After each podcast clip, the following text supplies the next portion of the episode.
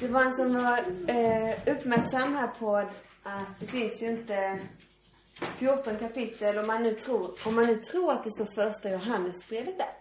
Men det står i Johannes ska det vara. Så det är en miss från mig. Men alltså det är Johannes evangeliet kapitel 14. Så stämmer det.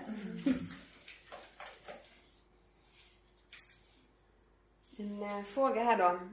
Eh, som min är lite längre än det står på powerpointen. Men de små valen jag gör i min vardag kan lägga grund för hur jag tar beslut i stora val i mitt liv. Hur kan mina vanor under dagen hjälpa mig att lyssna till Gud?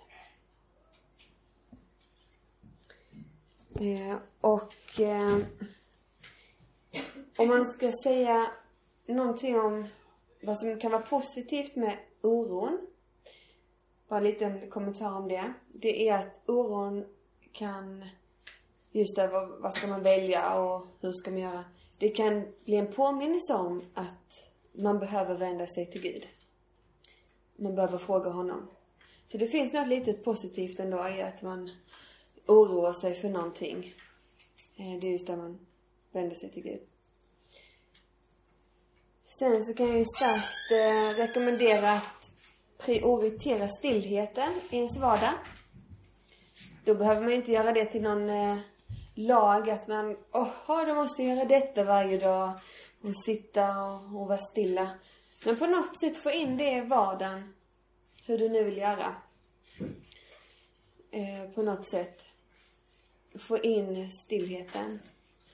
Och varför kan det vara bra för mig? Eh, för min del kan jag märka att mina tankar får landa. Det är inte så mycket annat som händer när det är stilla och lugnt, utan tankarna kan få landa. De behöver inte gå hitan och ditan av, av allt möjligt annat som händer under dagen. Allt som ska hända framöver. Ehm. och i det så kan jag få berätta för Gud vad det är jag tänker på, be om ledning. Jag kan få bli påminn om, om just Guds löften till mig. Just den här stillheten. Man får andas in. Ehm, just den här tryggheten och friden som vi får ha i Gud. Som är väldigt privilegium för oss som är kristna. Alltså det är väldigt gott som Gud har gett oss att ehm, vi kan få ha den här tryggheten i Gud. Att han faktiskt vill vara vår vägvisare. Så stillheten. Ehm, och där är bibelord. Förtrösta på Herren av hela ditt hjärta. Förlita dig inte på ditt förstånd. Räkna med honom på alla dina vägar, så ska han göra dina stigar jämna.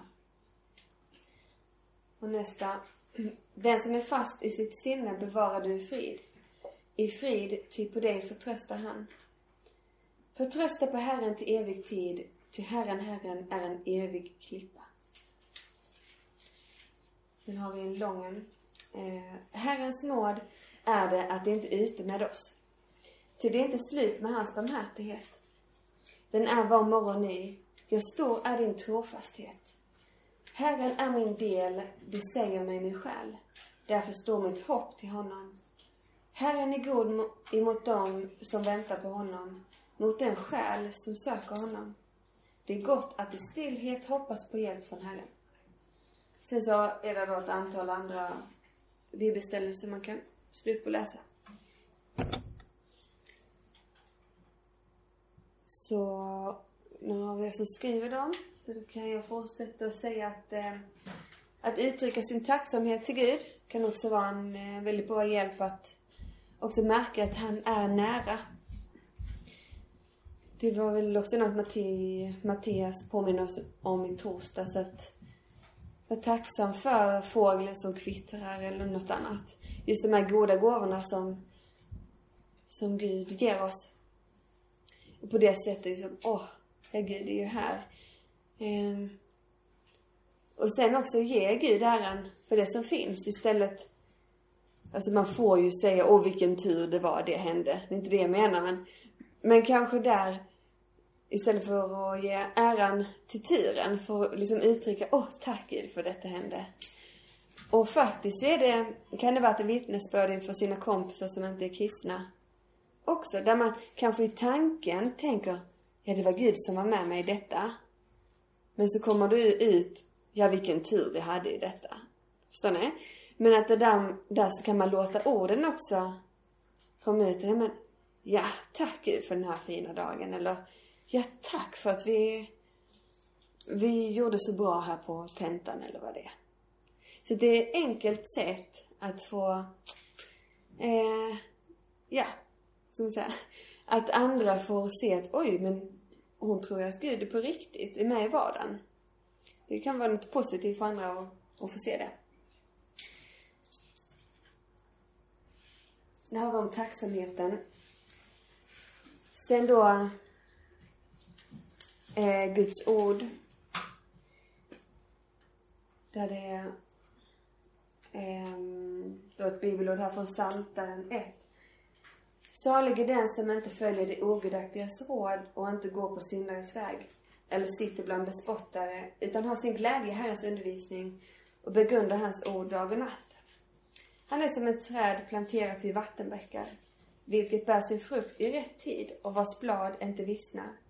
Allt vad han gör lyckas väl. Om man tar det bibelordet med nästa bibelord, där Jesus uttrycker det så här. Människan lever inte bara av bröd, utan av varje ord som utgår ifrån Guds mun. Just det att det får lyckas väl, det vi gör när vi använder oss av, av Guds ord. Ehm, också att vi lever inte bara av maten utan även av det som utgår från Guds mun. För det gör skillnad för oss när vi får låta, som jag sagt innan, när vi får låta Guds ord forma våra tankar. Det hjälper oss att leva.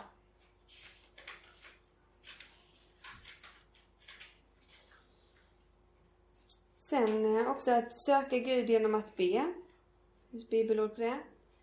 Be tillsammans med andra. Låt andra be för dig. Det har hjälpt mig många gånger.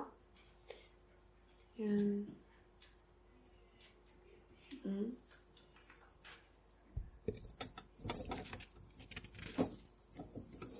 Sen så är Gud väldigt kreativ eh, i att tala till oss. Jag tror han kan använda vad som helst för att tala till oss. Det du gör i vardagen, det du ser, det du är med om. Mm. Så att där, jag har valt att inte liksom lista ut någonting att han kan tala på detta och detta och detta och detta sättet utan det det är liksom typ allt, tror jag. Genom allt du ser, genom allt du är med om. Ja. Allt du kan läsa eller allt du känner, allt, ja, bla bla bla. Jag tror du fattar poängen.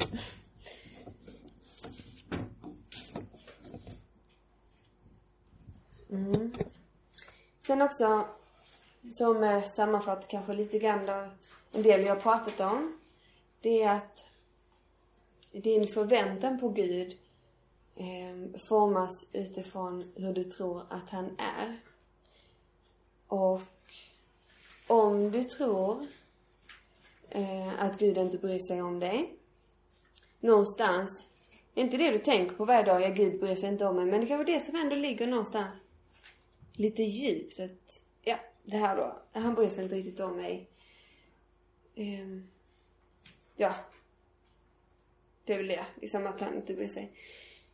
Eller om, om du tänker att jo, men Gud älskar mig och jag kan, jag, förvänt, jag kan förvänta mig att, att han vill det bästa för mig.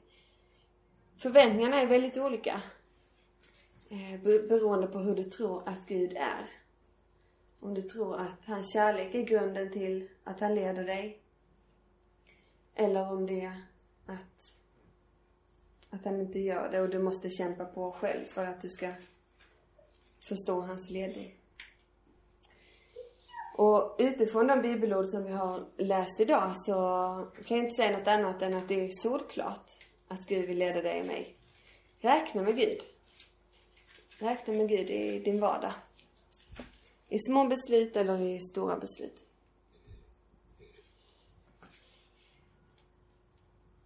Mm. Sen den här, att ledas av Gud är inte bara när det gäller beslut som rör mitt liv. Utan det kan vara så att, att Gud manar mig till att göra någonting som kan vara till uppmuntran och till hjälp för någon annan. Eh, och det pratade ju Olof om en del förmiddags. Om ni kommer ihåg det. Att man kan få göra någonting för någon annan, att Gud kan få verka genom en själv. Och eh, för mig har det varit så att jag, jag vill träna mig i att höra Guds röst. Och ibland är det inte så bekvämt. För man kanske kommer i någon situation där man vet inte, ska man gå fram till personen och säga det där man tror att man ska säga? Eller ska man inte göra det? Tänk, vad, vad tänker den om mig? Och man får alla sådana tankar. Och jag ska ge ett par exempel eh, som jag har varit med om. Eh, en gång så, det var nu, jag läste till socionom nämligen innan jag började jobba på Nytt Hopp. Så jag började utbildningen och var där ett och ett halvt år. Men då så hade jag en klasskompis som, jag såg hon var väldigt orolig inför en tenta. Och alltså man kunde se det på henne, hon var rätt så blek och nere. Och så tänkte jag, åh tänk om jag hade kunnat be för henne. Det kanske skulle kunna få hjälpa. Så det var ju positivt, jag var glad för det. Men sen så kom alla de här tankarna. Nej, vad ska hon säga? Vad kommer hon säga till andra personer om mig? Att jag har gjort det. Um, och sen så har hon en, den där tjejen har en muslimsk bakgrund. Um, så att det var också någonting jag tänkte på att ja, hon är till och med, hon har ju den bakgrunden. Hur, hur ska hon då reagera på att jag säger att jag vill be för dig och hon vet att jag är kristen och så. Men sen eh, så kom det en dag och jag tänkte okej okay, Gud, om du ger mig tillfället så ska jag ta det. Ehm, och, och fråga om jag kan få be för henne. Så då gick vi, det var efter skolan en dag och vi gick tillsammans ehm, bortåt in mot stan. Och jag visste ju att mitt, någonstans i samtalet här kommer ju vara att jag behöver fråga henne, skulle jag kunna få be för dig? Så att vi började prata lite om eh, det här med att eh, man kan bli så orolig över någonting och med tentan och det, oron tar liksom över ens tankar och man kan få dåligt att sova och allt sånt. Och så börjar jag dela lite om, ja, vad jag brukar göra när jag känner mig orolig. Ja, men då brukar jag be till, till Jesus och tycker att det kan hjälpa. Och hon kom in lite på bönen att, ja, min syster hon ber med, hon, hon går ofta till moskén och så tänkte jag att nej, det kan inte vara riktigt där jag ville komma liksom in i moskén, alltså börja prata om det. Men så, nej så fortsatte prata lite grann. Och eh, till sist i alla fall någonstans där så kom jag till, eh, till stunden där jag frågade att ja, eh, skulle, alltså skulle jag kunna få be för dig? För det här med oron, och att det kanske kan få bli bättre. Och så hon bara, ja! Ja visst, det kan du. Och vad jag tänkte, jag tänkte att jag skulle göra det där och då med henne. Och det visste ju inte hon. Så att då fick jag liksom ta det steget och säga att ja, alltså jag kan ju be ni. Om du vill. och sa att ja, jag brukar göra det med kompisar och det är inget eh, konstigt utan vi, och verkligen få säga steg för steg hur man gör eftersom man inte har gjort det innan. Inget är självklart. Nej men då blev det så att, eh, att jag bad för henne i all enkelhet och tackade Gud för henne och, och bad för det här med oron och stressen och så. Och sen så var hon jätteglad. Att, åh tack för att du bad för mig och så. Och så tänkte jag, okej, okay, ja. Fint. Och jag har ingen aning om vad kommer hon säga till sina kompisar, vad säger hon till familjen? Och vet, jag, kunde, jag fick bara lämna det.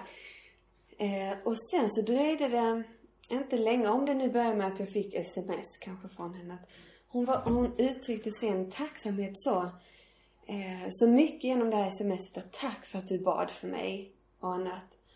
Och då tyckte jag att genom det smset eh, och fler som kom, för hon tackade också att det hade gått bra på provet. Och det var nog för att jag hade bett för henne. Tänkte jag, det är också ett sätt, det ser ju Gud också. Det är ju hennes, då bekräftar hon ju på något sätt att, att Jesus faktiskt har hört hennes bön. Förstår ni? Det är inte bara ett tack till mig att jag bad, utan faktiskt att Gud hörde bönen. Och eh, ja, för mig hade det räckt. Alltså om hon sa tack en gång. Eller det hade synts väldigt bra om man får någon slags bekräftelse. Men hon sa det flera gånger. Eh, och i slutet när jag skulle, när jag avslutade min sista termin. Och vi skulle träffas några, några veckor efter det så sa hon, fick jag ett kort av henne så att en, att en underbar vän och tack för att du har varit där för mig och sånt. Och alltså det blev så mycket större än vad jag trodde att det skulle vara. Och där är jag så tacksam för att tack Gud för att du hjälpte mig. Att gå på det där som jag trodde att du manade mig till att göra. För jag hade likväl kunnat välja att, nej men jag säger ingenting. Jag, jag frågar inte henne. Och det, vem vet, Gud kanske hade sänt någon annan att be för henne. Inte vet jag. Men det jag fick vara med om, det var att jag blev välsignad tillbaka. Att hon blev så glad. Och där jag också fick träna mig i att, ja, det kanske så här Gud kan tala till mig. När jag känner så här eller när jag får en sån här tanke. Så att jag är jättetacksam att jag fick vara med om det. Eh, jag hinner med ett exempel till. Det var från eh, ett pulsläger för några år sedan. Och eh, det var kvälls, kvällsmöte, tror jag. Vi satt ju ner och så såg jag en del personer gå i gången framåt och sen skulle väl gå och sätta sig. Och så ser jag en tjej som jag inte känner så väl, men hon har gått ner, eh, hade gått ner eh, rätt så många kilo. Där man såg att, usch, det här ser inte riktigt bra ut. Inte så att hon hade, inte så att jag anade att hon hade anorexia, utan bara det att hon hade gått ner många kilo. Och då kände jag sån nöd för henne, där och då. Och jag kände, åh, oh, nej, jag måste ju prata med henne efteråt. Och jag började till och med gråta när jag såg henne. Och annars brukar jag inte göra det liksom när jag kollar mig runt på folk. Utan det här var, något, det här var ändå något extra så här liksom. Nej, usch. Och då, då var det, jag tror inte det var samma kväll, men kanske kvällen efter där jag tänkte okej okay, gud, om du ger mig tillfälle att, att få prata med den här tjejen så ska jag göra det. Och då blev det i alla fall att, att vi kom förbi varandra och sa du skulle bara kunna prata lite med dig. Så gick vi och satte oss i, i salen. Och jag sa till henne vad jag tänkte när jag hade sett henne. Och jag fick också säga olika saker om just i denna situationen. Kämpar du med detta? Och jag grät jättemycket och hon grät massor. Och jag kunde känna, alltså i hennes situation, där och då, för några år sedan, så kunde jag eh, hade jag också gått igenom några saker så jag kunde förstå hennes situation, kan man säga. Så att hon, hon kände att det jag pratade om, det var verkligen så hon också kände. Och vi fick be tillsammans. Och där är jag så glad att jag fick vara med om det. Att jag fick se henne. Att Gud liksom riktade mig en blick dit, eller vad man säger. Och att jag fick be för henne sen. Och hon var jättetacksam och, ja, tänkte inte mer på det. Och sen så gick det ett år och jag träffade henne på sommarmötet året efter. Så kom hon fram till mig och sa bara, tack så mycket för det du sa förra sommaren. Det är ingen annan som har sagt det till mig. Så tänkte jag, kära va, ingen i hennes familj, ingen av hennes nära vänner hade just, vet, alltså uppmärksammat detta eller frågat henne sådana här saker, just hur mår du eller bara satt ord på att jag ser att någonting har hänt med det. Jag har gått ner flera kilo. Hur är, hur är läget? Och det skrämde mig lite grann att, va? Är det ingen annan som har frågat dig? Det var ju mer som jag tänkte. Sa inte så mycket om det men men också sånt, att där var jag jätteglad att jag fick vara med om detta. Att det kunde betyda så mycket för henne. Och så jag vill också bara uppmuntra till det. Att eh, det är lite obekvämt när man får eh, sådana där, jag, jag brukar kalla det att, att Gud manar en till att göra någonting. Eh, men alltså det är en riktig välsignelse att få se sen att, åh, oh, det här kunde betyda någonting. Och i värsta fall så är det kanske att, ja man får ingen bekräftelse på att det där var bra gjort och att man gjorde det. Nej men, då får man väl testa nästa gång. Alltså, det är inte så farligt. Det är bara det att man får offra sin, ja, ibland kanske ryktet. Man får offra vad, vad andra ska tycka och tänka. Och det är obekvämt, men det är värt det.